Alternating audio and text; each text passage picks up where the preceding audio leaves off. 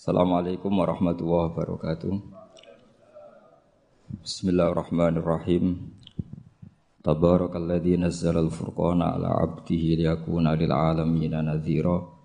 Allahumma shalli wa sallim ala sayyidina Maulana Muhammad wa ala alihi wa sahbihi wa barik wa sallim asma'in nama ba'du. Sedanten keluarga besar Pondok Pesantren Peloso sedanten durya ingkang kula hormati. Sedanten Al-Falah mriki ingkang kula hormati, santri-santri ingkang kula hormati. Niki semuanya yang ikut Fasul Masail, napa boten? Fasul Masail napa nambahi Masail? Karena setahu saya itu Fasul Masail itu nambahi masalah. Karena yang harusnya terjawab gara-gara wong berengkel-berengkel itu gak keterjawab. Nah, yang gak gampang jadi ini Mbah Kausar itu bahasa saya sebetulnya, tapi tua saya karena Neng Jazil itu pernah mbah sama. E, jadi buyut saya kandung namanya Maimunah. Maimunah itu Mbak Yunya Mbak Bedowi. Maimunah itu Mbak Yunya Bedowi. Terus ini Mbak Bedowi punya anak Mbak Hamid. Mbak Hamid punya putri Neng Jazil terus. Entah kenapa tahu-tahu ikut Gus Kausar. Ya, bagi saya itu agak merugikan karena saya harus manggil Mbah. Harusnya saya itu nggak perlu takdim, kan beliau nggak dapat pernah bah kula ning Jasil. Harusnya tarung. Karena kenangan saya sama santri Peloso dulu itu saya sering makili Santi Anwar dulu yang makili masih Gus Virjon. Okay. Itu debat terus. Ternyata ya pernah bahasa saya. Jadi saya ini secara nasab sial pernah nom terus. Karena buyut saya itu putri sehingga apa ya cepat sampai generasi kelima ke enam sementara Neng Jazil baru generasi ketiga. Dengan Ki Hamid Pasuruan juga sama kados yang kemarin saya ngisi di Pasuruan karena saya memang jarang mau diundang kecuali kriterianya itu pernah guru pernah dulur. Nah ini peloso yang dijual Gus Kausar. Ternyata laku, nyatanya saya datang berarti laku. uh, memang saya kalau di Lasem terkenal Bani Umar. Jadi buyut saya itu yang partai Bani Umar sama dengan Kiai Hamid Pasuruan. Hamid bin Abdul bin Umar kalau bahasa itu Fatimah binti Idris bin Umar. Ya Umar itu dapat Mbah Maimunah, Mbak Yunya Mbah Dowi. Tapi ini karena urusan ilmu ya kadang Mbah juga harus dilawan. Karena dalam ilmu itu semuanya fair. Kita tahu semua Jamul Jawame itu dikarang oleh bapak dan anak. Ya biasa saja kalau Imam Taqiyuddin Asubki ya dikritik biasa, mengkritik ya biasa, normal saja. Karena ilmu itu siapa saja boleh gugat, tapi tetap mal adab. Karena kalau ilmu nggak dikontrol itu bahaya betul. Wajah-wajah gini kan nggak wajah Nabi kan, nggak akan. Nabi nggak akan karena sudah ditutup, wajah wali juga jauh. jauh. Jadi kemungkinannya itu wajah mutaan itu, sing mempersulit situasi. situasi. Tapi tidak usah tersinggung karena ini fakta biasa saja. Biasa. Saya punya pengalaman basul masail itu banyak dan berakhir dengan rata-rata maukuf. Orang berengkel itu macam-macam. Kalau orang Madura karena hamiyahnya. Dan itu bagus. Wong ndak hamiyal jal jahiliyah. Saya punya sekian contoh perdebatan, mungkin bisa ditiru dalam baksul masa Dan saya yang saya ceritakan di sini itu nggak tanggung-tanggung. Logika yang dibangun Allah Subhanahu wa taala. Jadi itu di atas muharrir, di atas musoheh. Tapi langsung Allah Subhanahu itu kalau sampean bantah neraka selawas-lawas. yaitu masyur dalam kitab Hilyatil Aulia dan beberapa kitab diceritakan kalau di Hilyatil Aulia itu ikut tarjamahnya Ka'bul Ahbar atau Wahab bin Munabbih. Kita tahu kitab Hilya itu indukannya kitab Ihya fi Kibil Akhyar. Jadi Ihya itu nginduk sekian kitab, kalau Fitasawuf nginduk Putil Kulub karangannya Abu Talib Al-Makki. Kalau fi Kibil Akhyar nginduk kitab Hilyatul Aulia karangannya Abu Nu'aim Al-Asfihani. Dan kitab itu memang harus nginduk supaya mutabik bukan mubtadi. Makanya saya senang kayak Gus Tadi Kausar bilang, abah saya baca begini, memang harus begitu. Kalau dia baca sendiri saya tidak percaya. Dia harus ngomong gitu. Kalau tidak saya tidak percaya. Dan bagus begitu. Termasuk yang saya kenang tadi beliau baca takihi al harro, al harro sangking panas. Karena keyakinan saya memang al harro itu mansubun binas il khofit. Eh anil hari terus hanya dibuang, tahu-tahu jadi nasab itu juga kasus sebetulnya. Ya pantas agak pak, ya lumayan lah gitu sudah bagus. Uh, begini, suatu saat Nabi Ibrahim didatangi malaikat Israel, mau dimatikan, mau nyawanya mau diambil. Kata Ibrahim, kamu siapa saya Israel? Mau apa? Nyambut nyawa anda. Jawabnya Ibrahim, kamu tahu saya siapa? Saya ini Khalilur Rahman. Wahal ro'aita khalilan yumitu khalilah. Masa kekasih bunuh yang dikasih? Ini nggak masuk akal. Ini mesti kamu salah. Israel kamu pasti salah. Ya mungkin saja karena nggak pernah ngaji di pelosok. Malaikat Israel nggak pernah ngaji berat pelosok. Jadi mungkin salah. Nggak pernah ngaji ihya, apalagi khataman. Kalau sampean khataman tidak pernah ngaji. itu lebih buruk lagi, itu buruk sekali itu. Itu buruk sekali. Itu menurut saya itu kredit itu bahaya itu. Nanti saat tes, saya itu khatam ihya setengah apal. Artinya kalau sampean macam-macam tak tes. Saya pernah khatam ihya, pernah tak maknani sendiri, pernah tak maknani pakai ithaf. Terus ditambah khataman sama Mbah Kula nih Gus Kausar. Jadi pengetahuan tentang ihya saya itu sempurna. Sangat mendalam. Sangat sangat sempurna berakhir di sini tadi itu. Tapi ketika Israel begitu kan bingung Israel. Jadi malaikat itu ya boleh bingung ya sebenarnya banyak malaikat bingung. Tidak ada manusia atau malaikat bingung juga juga banyak. Akhirnya Israel datang. Matur teng Allah, ini gimana ya Allah? Kata Khalilukar Rahman Ibrahim gini gini. Kata Allah, bilang saja begini. Wahal ra'aita habiban yakrahu ayal habibah. Mosok kekasih ketemu sing dikasih gak siap. Itu logika apa? Ini gue fasul masail bisa. Akhirnya Israel bilang, kata Allah begini logikanya, takbirnya begini kalau dalam fasul masalah itu. Wahal ra'aita habiban yakrohu ayyalqa habibah. Mosok kekasih nggak seneng kalau ketemu yang dikasih. Kalau nggak mau mati artinya nggak siap ketemu yang dikasih. Oh iya iya siap putus fasul masail selesai. Bisa dijual itu hasilnya nanti karena sudah putus. Jadi memang fasul masail itu penting. Saya itu punya kitab banyak, termasuk kitab-kitab munakosah yang dikarang ini karena temanya Imam Ghazali. Saya punya banyak kitab Imam Ghazali dan yang saya paling suka tentu kitab-kitab debat kayak Mustasfa, terus kitab-kitab Imla. Pokoknya kitab Imam Ghazali sing dekne ngamuk. Karena kalau beliau pas wali kutub kita niru kok GR teman. Jadi saya niru yang pas beliau marah. Saya punya kitab yang mulai min awali hatta akhiri beliau marah terus. Namanya Al Imla fi Iskalatil Ihya. Itu memang beliau ngarang pas posisi marah. Orang bully Ihya, orang menyakiti Ihya, orang nggak suka. Terus beliau menjawab itu. Ya hater lah kira-kira gitu. ini gaul ini bahasa ini gaul. Saya itu sebenarnya ya itu tadi. Kalau saya boleh milih takdir, saya nggak seneng beliau menjadi bahasa ya. Karena kalau neng jazil kan asli, nggak apa-apa saat takdim. Ini kan Iya iya iya. Iya iya iya ya, ari itu jadi tapi ya nggak apa-apa itu takdir sudah. Karena dikatakan ari itu min haitsu hukmud dunya. Tapi min haitsu hukmil lawhil mahfud sudah ditulis mulai dulu. Jadi ya sudah nggak apa-apa lah. Ini juga kawak sudah ditulis di lauh mahfud. Yang ngaji Gus Dah di Lasem, yang untung dia yang panen kita. Iya, jadi sebenarnya yang ngaji sama Badawi itu Mbah Dah, Gus Dah itu. Tapi Gus Dah gak jadi mantu Badawi, yang panen ini dapat cucunya Badawi. Ini keajaiban.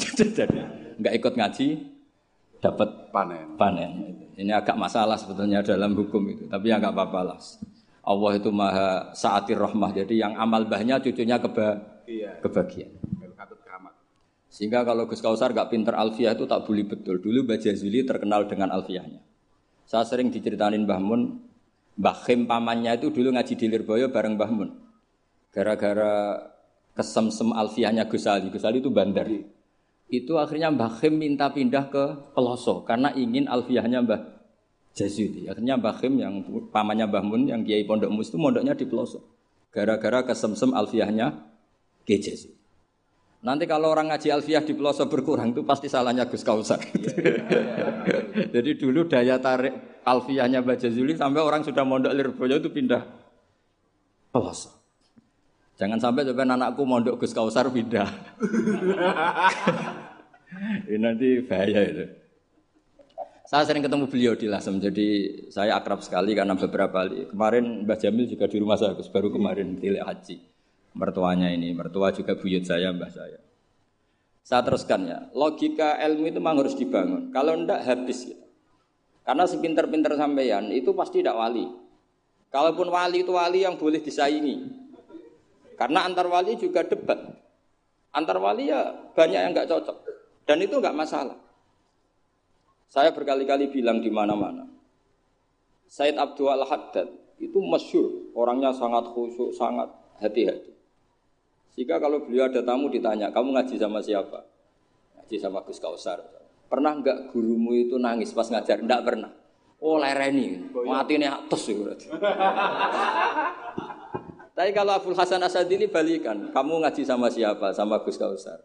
Pernah senyum nggak? Pernah tertawa nggak? Nggak pernah. Lereni, berarti mau ngeraiso syukur katanya. Jadi Abdul Hasan Asadili itu seneng guru yang agak-agak uraan, yang sewantai, yang karena dianggap ekspresi apa? Syukur. Kalau Said Abdul Haddad gak suka seperti koyok seradi dosa ibu ya bu. Ini dua kutub ya dua kutub besar dalam dalam tradisi wali.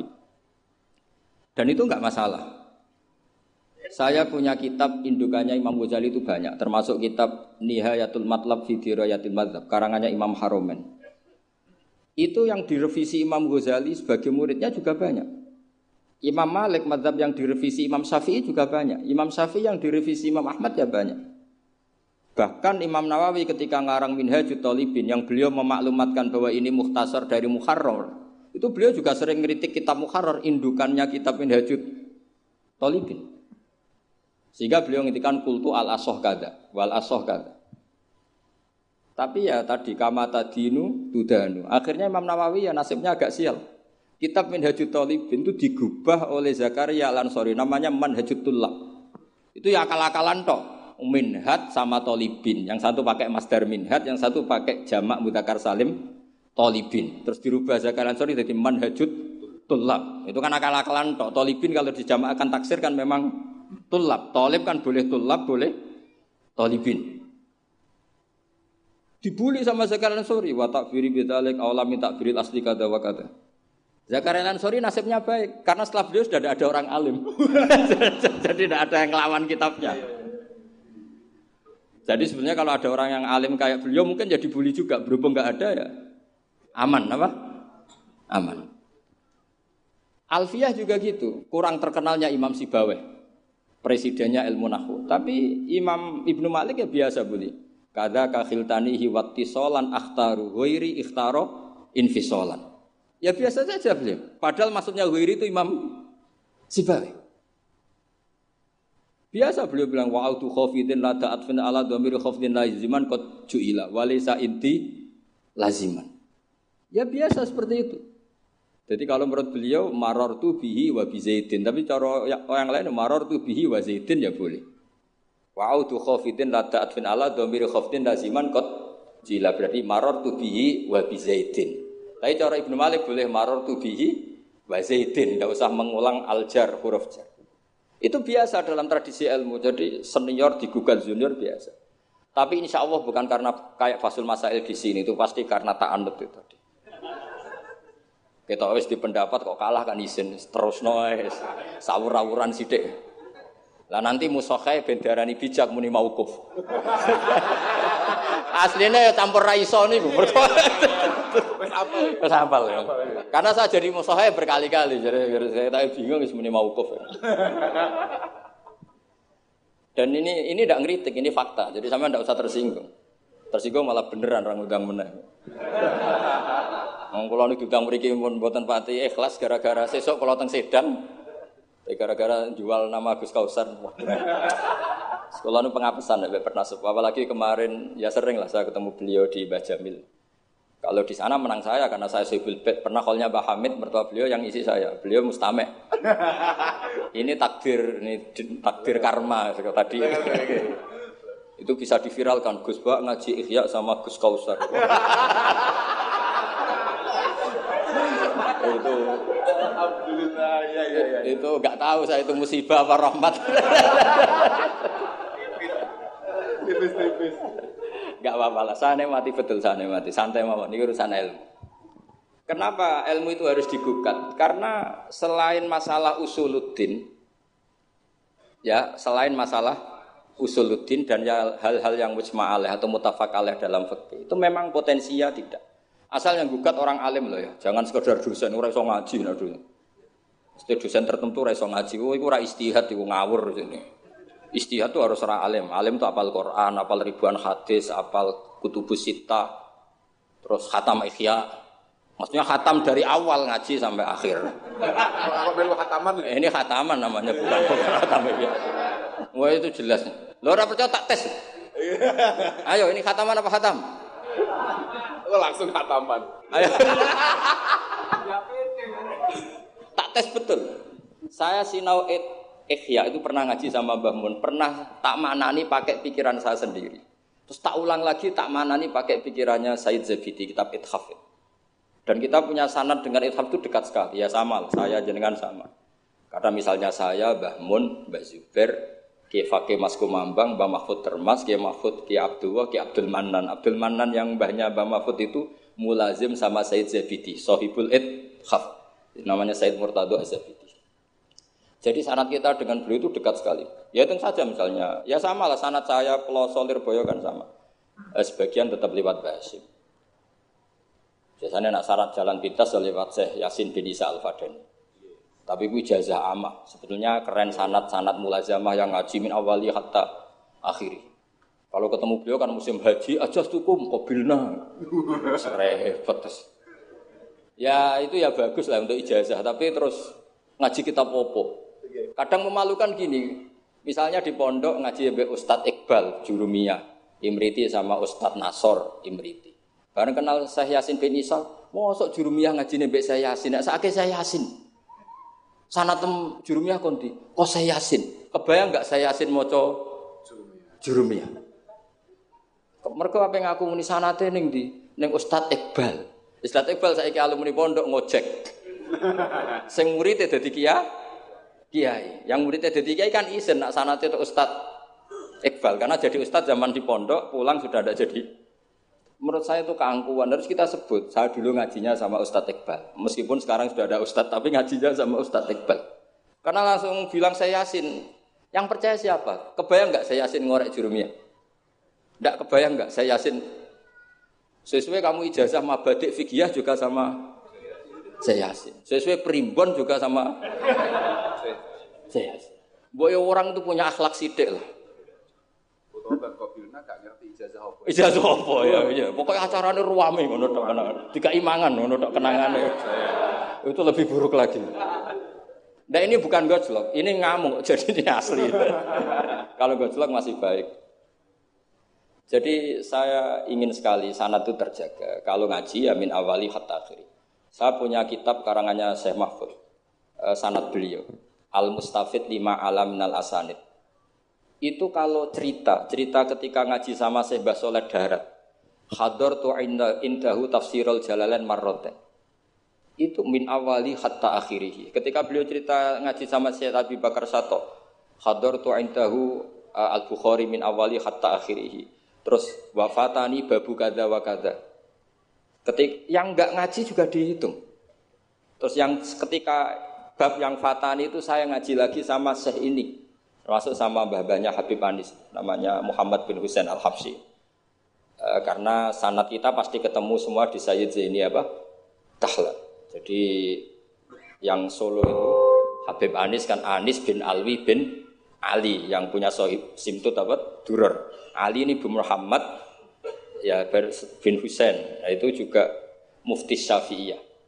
Jadi insya Allah sanat seluruh Indonesia itu sama, termasuk sebetulnya Muhammadiyah. Tapi Muhammadiyah kan terus man ba'dawi ini terus do nggak ngaji. Uh, do, uh, man ba'dawi setelah apa? Setelah siapa itu? Uh, Mbah Dahlan do ngaji. Sebenarnya sanatnya sama. Dulu Mbah Dahlan itu yang ngajinya bareng Mbah Hashim.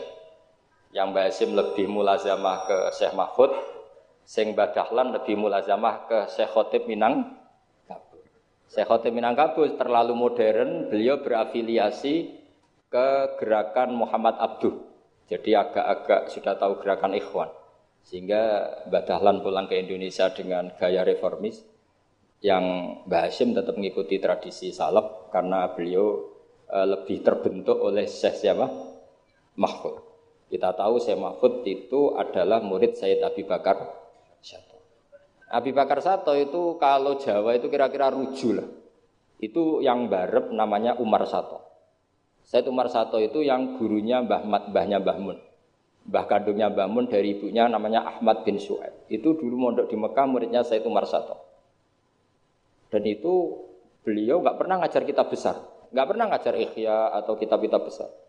Beliau mau ngajar kitab yang bisa dihafalkan. Jadi kalau muridnya nggak sanggup muhafadzah, nggak mau ngaji beliau. Makanya kita ini wajib menghafalkan itu sebenarnya ya korban dari tadi. Jadi muhafadzah itu bagian dari itu. Tapi ini korban baik, tentu korban baik. Cuma kritik saya pada pondok-pondok, itu muhafadzah sekarang itu menjadi syarat kenaikan kelas. Dulu itu ndak, muhafadzah itu syarat menjadi orang alim. Sekarang enggak, enggak alim pun yang penting muhafadzah. Akhirnya banyak yang ngapalannya alfiyah hafal tapi ora paham alfiyah, sing paham ora apa. Karena biasanya wong paham itu kan banyak analisis. Nah saya termasuk yang bejo ya paham ya hafal. Ini syukur. Tapi saya harus lebih syukur Gus Kausar. Karena tadi wis paham apa yang ngaji ya aku, jadi ini masih kalah saja. Saksinya banyak lagi pas ngaji. Dulu Gus Kausar pas di dalamnya bangun bilang saya gini, Gus kalau pengen ngaji dengan seksi ini mau sitok, ini pas aku ngaji ini sudah wakil jadi. Jadi untung beliau di bangsa, tapi tidak apa-apa, saya ikhlaskan itu bahasa ya aman, aman. aman. Ilmu itu harus dikritik, sehingga dulu Ulama itu biasa tadi, saya contohkan dari Alfiyah ya, karena ident, yang identik dengan Mbah Jazuli. Ibnu Malik itu muridnya Imam Sakhawi, beliau ahli kiro asapa. Imam Sakhawi itu muridnya Imam Satibi. Kita tahu Imam Satibi terkenal sekali dalam dunia sapa. Eh, kan Nawawi fil fikhi kira-kira. Karena yang bisa menerjemahkan sapah populer itu Imam siapa? Satibi, yang punya karangan Firzul Amani. Saya pernah belajar kitabnya Khatam. Sehingga Ibnu Malik itu terbentuk oleh kiro asapa. Sehingga kalau beliau mengatakan finnazmi wan nasris sahihi musbata. Teori saya itu bisa dibuktikan baik dalam syair, maksudnya nadom di situ adalah syair, wan nasris sahih. Nasir sahih kiro atau abi amrin. Karena kiro atau ibnu amrin itu mengatakan wattaquwa wal arhami. Kalau dibaca wal arhami artinya ada maktuf pada maktuf alih domir majrur min ghairi i'adatil jari yaitu wal arhami diatapkan pada bihi tanpa mengulang huruf jar. Tapi jumhur tentu lebih keren karena jumhur ngikuti kiro amasyurah wattaqwa alladzi tasaaluna bi wal arhama. Jadi jumhur memang bacanya wal arhama diatapkan ke Allah, bukan diatapkan ke bihi. Ketika Ibnu Malik mengatakan finnasmi, saya tuh nggak pernah terencana mau ngomong ini gara-gara ini mau bully Gus Kausar ini tadi. Maksudnya mau beli tadi dulu guru-guru kita pindah pondok ke pelosok karena kepengen alfiahnya Mbah Jesu. Itu harus terjadi lagi era cucu-cucunya, jangan sebaliknya. Ya siap demo ya. Kak wani nah santri pelosok mesti. Walat. Nah ini ngeritik yang membangun. Jadi Ibnu Malik karena cucu murid sama Imam Satibi itu dia ahli kiro asap. Sehingga bacaan-bacaan di Sabah itu yang menjadi dalil beliau ketika punya rumus nahwu. Termasuk beliau meyakini bahwa seperti itu ada yaitu finnadmi wan nafris soheh. Maksudnya nasrah itu kiro atau abi amrin atau ba'dul qurra asabah membaca apa? Wattaqwa alladzi tasa'aluna bihi wal arhami, bukan wal arhama dalam kiroah itu. Sehingga sebetulnya kalau bicara sanat itu tidak ada ilmu yang asing. Ya tadi karena saya bapak saya hafid, bapak saya ini teman abahnya ini. Bapak saya dulu akrab sama Gus Mek Gusda. Beberapa kali putranya Gusda lahir itu yang semaan bapak saya. Bapak saya itu hafal Quran. Makanya saya ketiban barokah beliau saya juga ngapalkan Quran mulai kecil. Terus saya sambil ngaji di sarang, jadi saya termasuk wong bejo.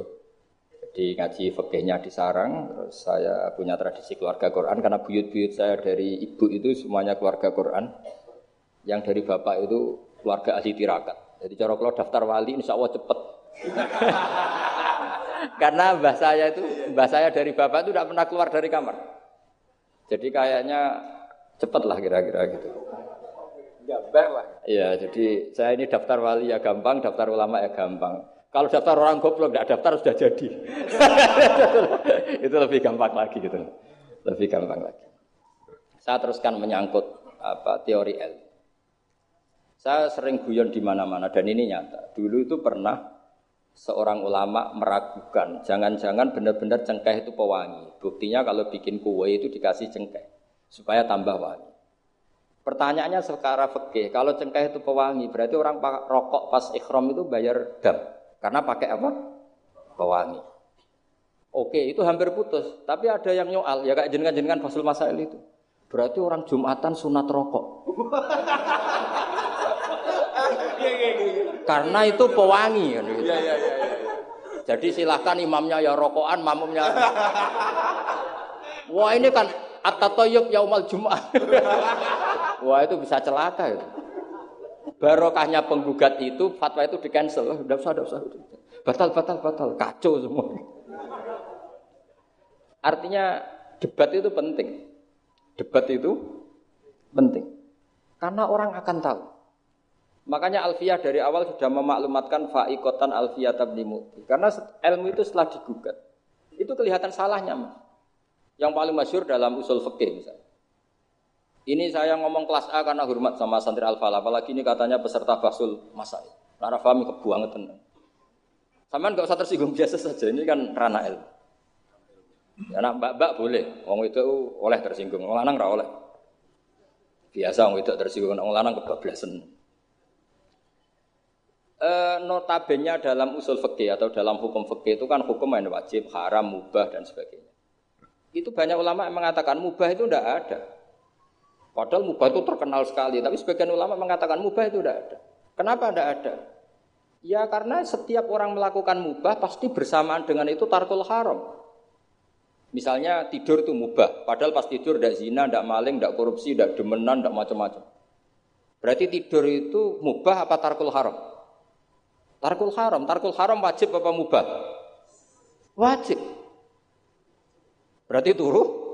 Waduh potongan-potongan ini untuk ijazah rusak. Nanti jahit gambar. Di situ jelas, saman kalau nggak percaya cari di lubul usul itu. Alasannya al kabiyah itmamin mubahin illa wa yatahaqqaqu bihi tarku haramimma. Sama siapa takbirnya? Tidak ada sesuatu yang mubah kecuali saat Anda lakukan pasti banyak keharaman yang Anda tinggalkan. Fayatahaqqaqu bisukun tarkul qatli wa bisukut tarkul qadhaf. Orang diam artinya agak bunuh orang. Orang tidur artinya tidak ngerasani orang. Watarkul haram wajib. Fal mubah wajib. Ternyata akhirnya yang hukum mainstream bahwa mubah itu ada dirubah wal mubah min haitsu datu. Ditambahi min haitsu datu. Karena kalau min haitsu asarul mubah adalah wajib karena terjadi tarkul haram. Itu barokahnya gugatan. Artinya wal mubah min haisudat. Ya umumnya mas saya sarang baca min haisudatu karena masih ngikuti kaul asoh. Kalau haisu wajib butuh pada jum, jumlah. Tapi kalau ada yang baca min haisudati anggap aja wong pinter. Mergo roh kaule nak haisu le butuh ning muf mufrad yang anggap wong pinter. Utawa panjen ra iso. ya utawa ketepaan ya tadi tidak tahu saya. Jadi ini santai-santai saja, sampai dendam ya boleh karena saya gojlok. Tapi saya berhak lebih dendam karena saya jauh-jauh dari ke sini untuk ngaji sama sampean sama gak matur nuwun kebablasan. Padahal saya sesuai harus ngaji di Sedan. Nah, kembali ke Said Umar Sato. Said Umar Sato ini punya murid namanya Ahmad bin Su'ab yang akhirnya Mbak Ahmad ini punya putri namanya Mahmuda terus punya putra Mbah Mun. Mbak Ahmad Su'ab ini punya cucu namanya Hamzah Sato yang besok saya ngaji. Jadi biasanya ngaji di Sedan tuh hanya dua yang khataman Quran saya, yang ngaji pengajian umum Mbah Mun. Mulai dulu ya zaman Bapak, Bapak sama Mbah Mun, sekarang saya sama Mbah Mun. Sudah ada mungkin 14 tahun saya bareng Mbah Mun. Yang ngaji Qurannya saya, yang ngaji pengajian umum Mbah Mun. Tapi kalau besok karena Mbah Mun sudah wafat, intakola ila rofiqil ala, saya mungkin sama Gus Sofi atau sama saya. Said Hamzah ini juga yang Hamzah bin Abdullah bin Umar. Sehingga sanat di daerah saya itu benar-benar jadi sanat yang luar biasa dekat dan bahkan jadi sanat sing sanat dan ahwalian bukan sekedar sanat seperti untian apa untian apa mutiara atau untian tapi memang sadi perilaku. Sampai guyonannya itu orang alim nara setengah hafal iana orang alim nara pati setengah hafal. Karena iana ini di bawah cucunya ke Sedan ke Sarang ke Naruan. Bahkan Said Hamzah itu sering tidur di rumah saya dulu karena ya temannya buyut saya temannya buyutnya Gus Akhwas temannya karena Hamzah itu bin Abdullah bin Umar. Said Umar ini kakaknya sekaligus gurunya Said Abi Bakar satu sohibul iya. Jadi makanya saya ketemu jenengan ya pede saja. Buyut-buyutku koncone sing ngarang kitab. Lagi lagi putu mbek putu padha ra iso ngarange lah. Tapi suatu saat insya Allah punya karangan, gitu tunggu mawon. Ojo karangan bunga, karangan kitab maksudnya karangan kitab sembrono. Memang benar-benar ngarang ngarang kita. Nah, kenapa ilmu itu butuh digugat? Kalau ndak ya habis kita. Misalnya kitab takrib itu mengatakan mabit bimina musdalifah sunat apa wajib? Sunat. Fatul Qorib membenarkan yang benar adalah wajib. Padahal kitab kecil. Karena Fatul Qorib itu nyarai takrib, kitabnya mau kecil. Itu aja ada sudah ada gugat menggugat. Apalagi basul masa gue tak berus pirang-pirang dino nganti runtusan jebule keok. Kan yo isin. Ya cara saya emang harus ngeyel itu satu-satunya acara ini kan harga diri. Apalagi di daerah santri ini kan isin oh isin. Isin pol lah musuhnya yang bijak adalah yang memutuskan maukuf makanya kalau musuhnya bilang maukuf kemungkinannya dua kalau nggak bijak ya panjang rapaham karena masalahnya mustabih, kayak iya, kayak tidak. Enggak apa-apa. Enggak paham itu bagus kok. Kalau memang masalah itu sulit, bagus enggak paham. Kalau sulit kok memaksa paham, ya ibu paham.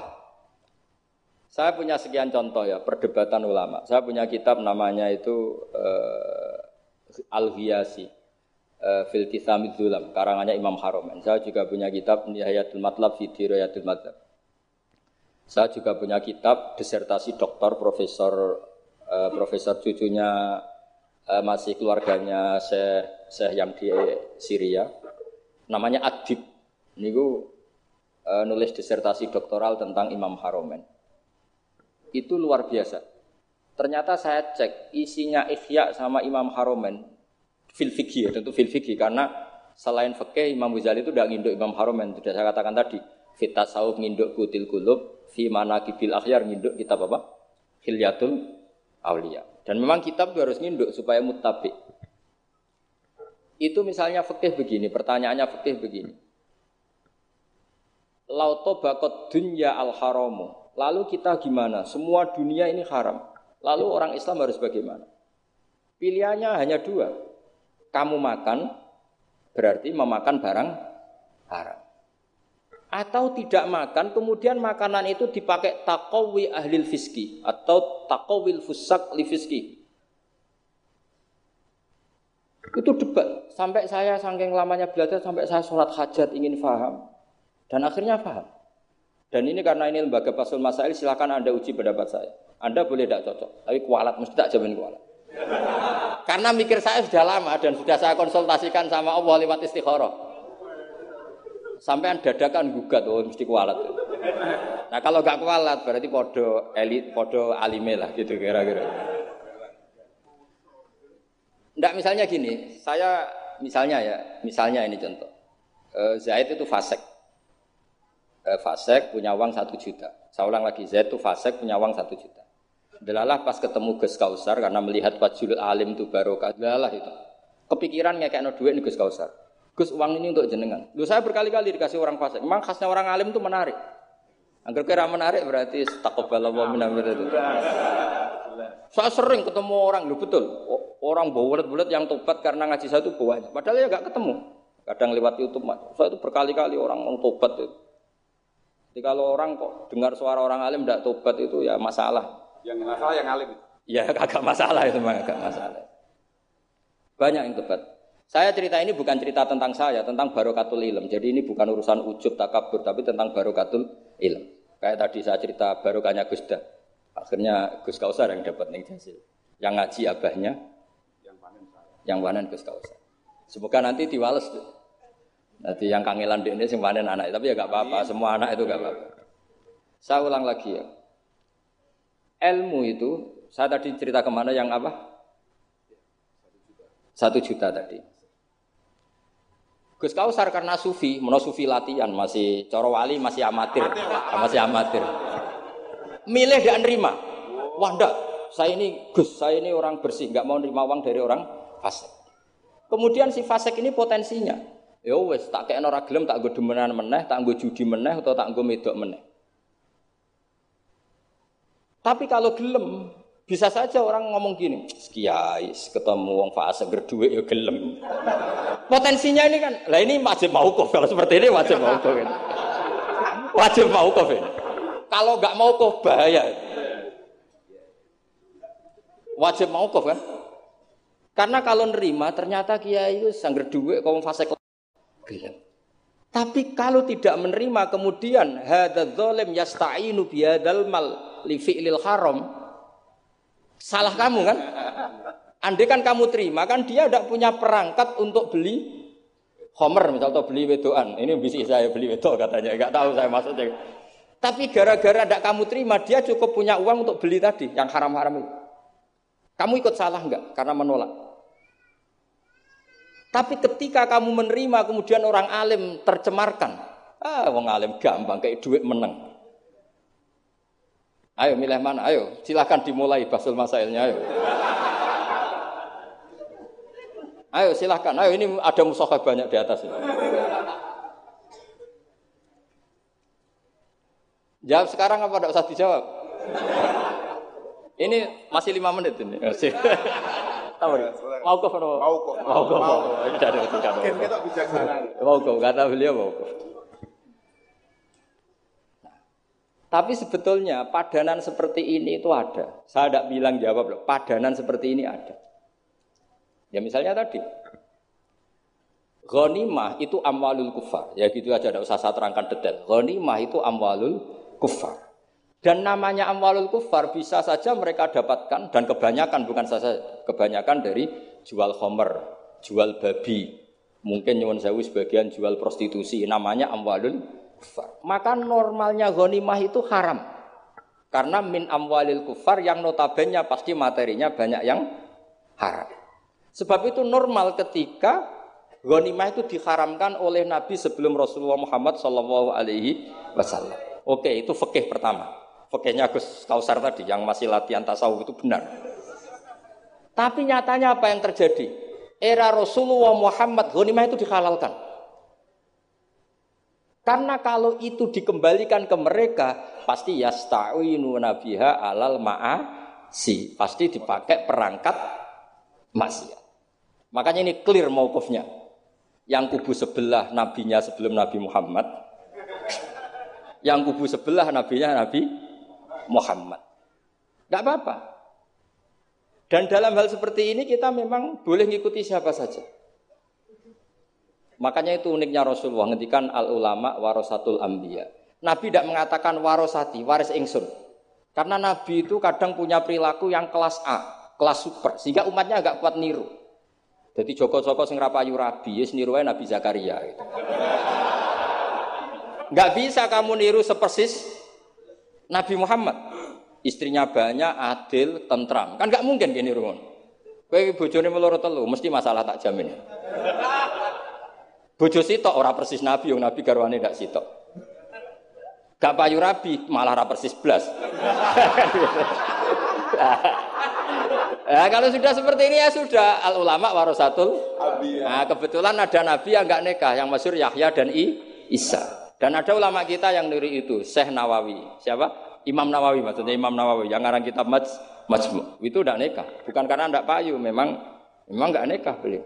Lalah namanya beliau itu Yahya. Yahya bin Syarab Zakaria An-Nawawi. Makanya Mbah Mun kalau nerangkan itu nangis. Lah iya. Pangeran cek pinter. Delalah Imam Nawawi jenenge Yahya. Di bapak jenenge Zakaria. Lalah yo ora rabi yo alim. Lah anak kowe ora rabi tok ndak alim kata bapak. Makanya ini bukan alulama warosati tapi alulama warosatul. Ada umatnya Nabi yang kupereng garis keras. Karena niru Nabi Nuh. Ada ulamanya Nabi yang lunak karena niru Nabi Ibrahim. Makanya ketika menyikapi Asro Badrin, tawanan-tawanan Badar, Rasulullah tanya sama Abu Bakar, ini gimana Asro Badrin? Hum asyirotuk, hum akoribuk, ini kerabat engkau, ini sanak-sanak. Ya maafkan saja. Sayyidina Umar, itu kan orang-orang yang dulu musir kamu, ingin bunuh engkau ya Rasulullah. Humul ladina akhrajuka wa hammu ayaktuluka kata wa kata. Itu kan orang-orang yang dulu musir jenengan, ingin bunuh jenengan, ketangkep ya bunuh kok repot. Itu kira-kira Madura ya, nggak tahu saya itu. Ini kan katanya sejawa Madura ya. Enggak tahu, orang Madura turunan Umar Mojokotole ya enggak tahu saya. tahu saya. Secara genetik nasab enggak tahu saya. Tapi ya bagus lah, girohnya mirip siapa? Umar. Nabi enteng saja. Enggak kayak musuhnya sekarang, kalau ada debat bingung, Nabi ya santai aja. Nabi ngendikan masalu kaya Abu Bakrin, masalu Ibrahim. Ifqala faman tabi'ani fa innahu minni wa man asani fa innaka ghafurur rahim. Wa masalu kaya Umar kama salinu ifqala rabbil tadzar alal ardi minal kafirina daya. Enteng saja Nabi, enggak mau kuf. Napa? Karena Nabi hafal Quran, sekian ayat untuk ini ada ayat. Nah, kalau sampean kan enggak hafal Quran. Pokoknya ada takbirnya di kitab apa? Pokoknya ada. Wong jenenge kitabe ora roh pemene halamane. Wes musibah lan musibah. Ya tapi sudah lah ini zaman akhir sudah begini sudah baik. Ya. Sekian wassalamualaikum warahmatullahi wabarakatuh.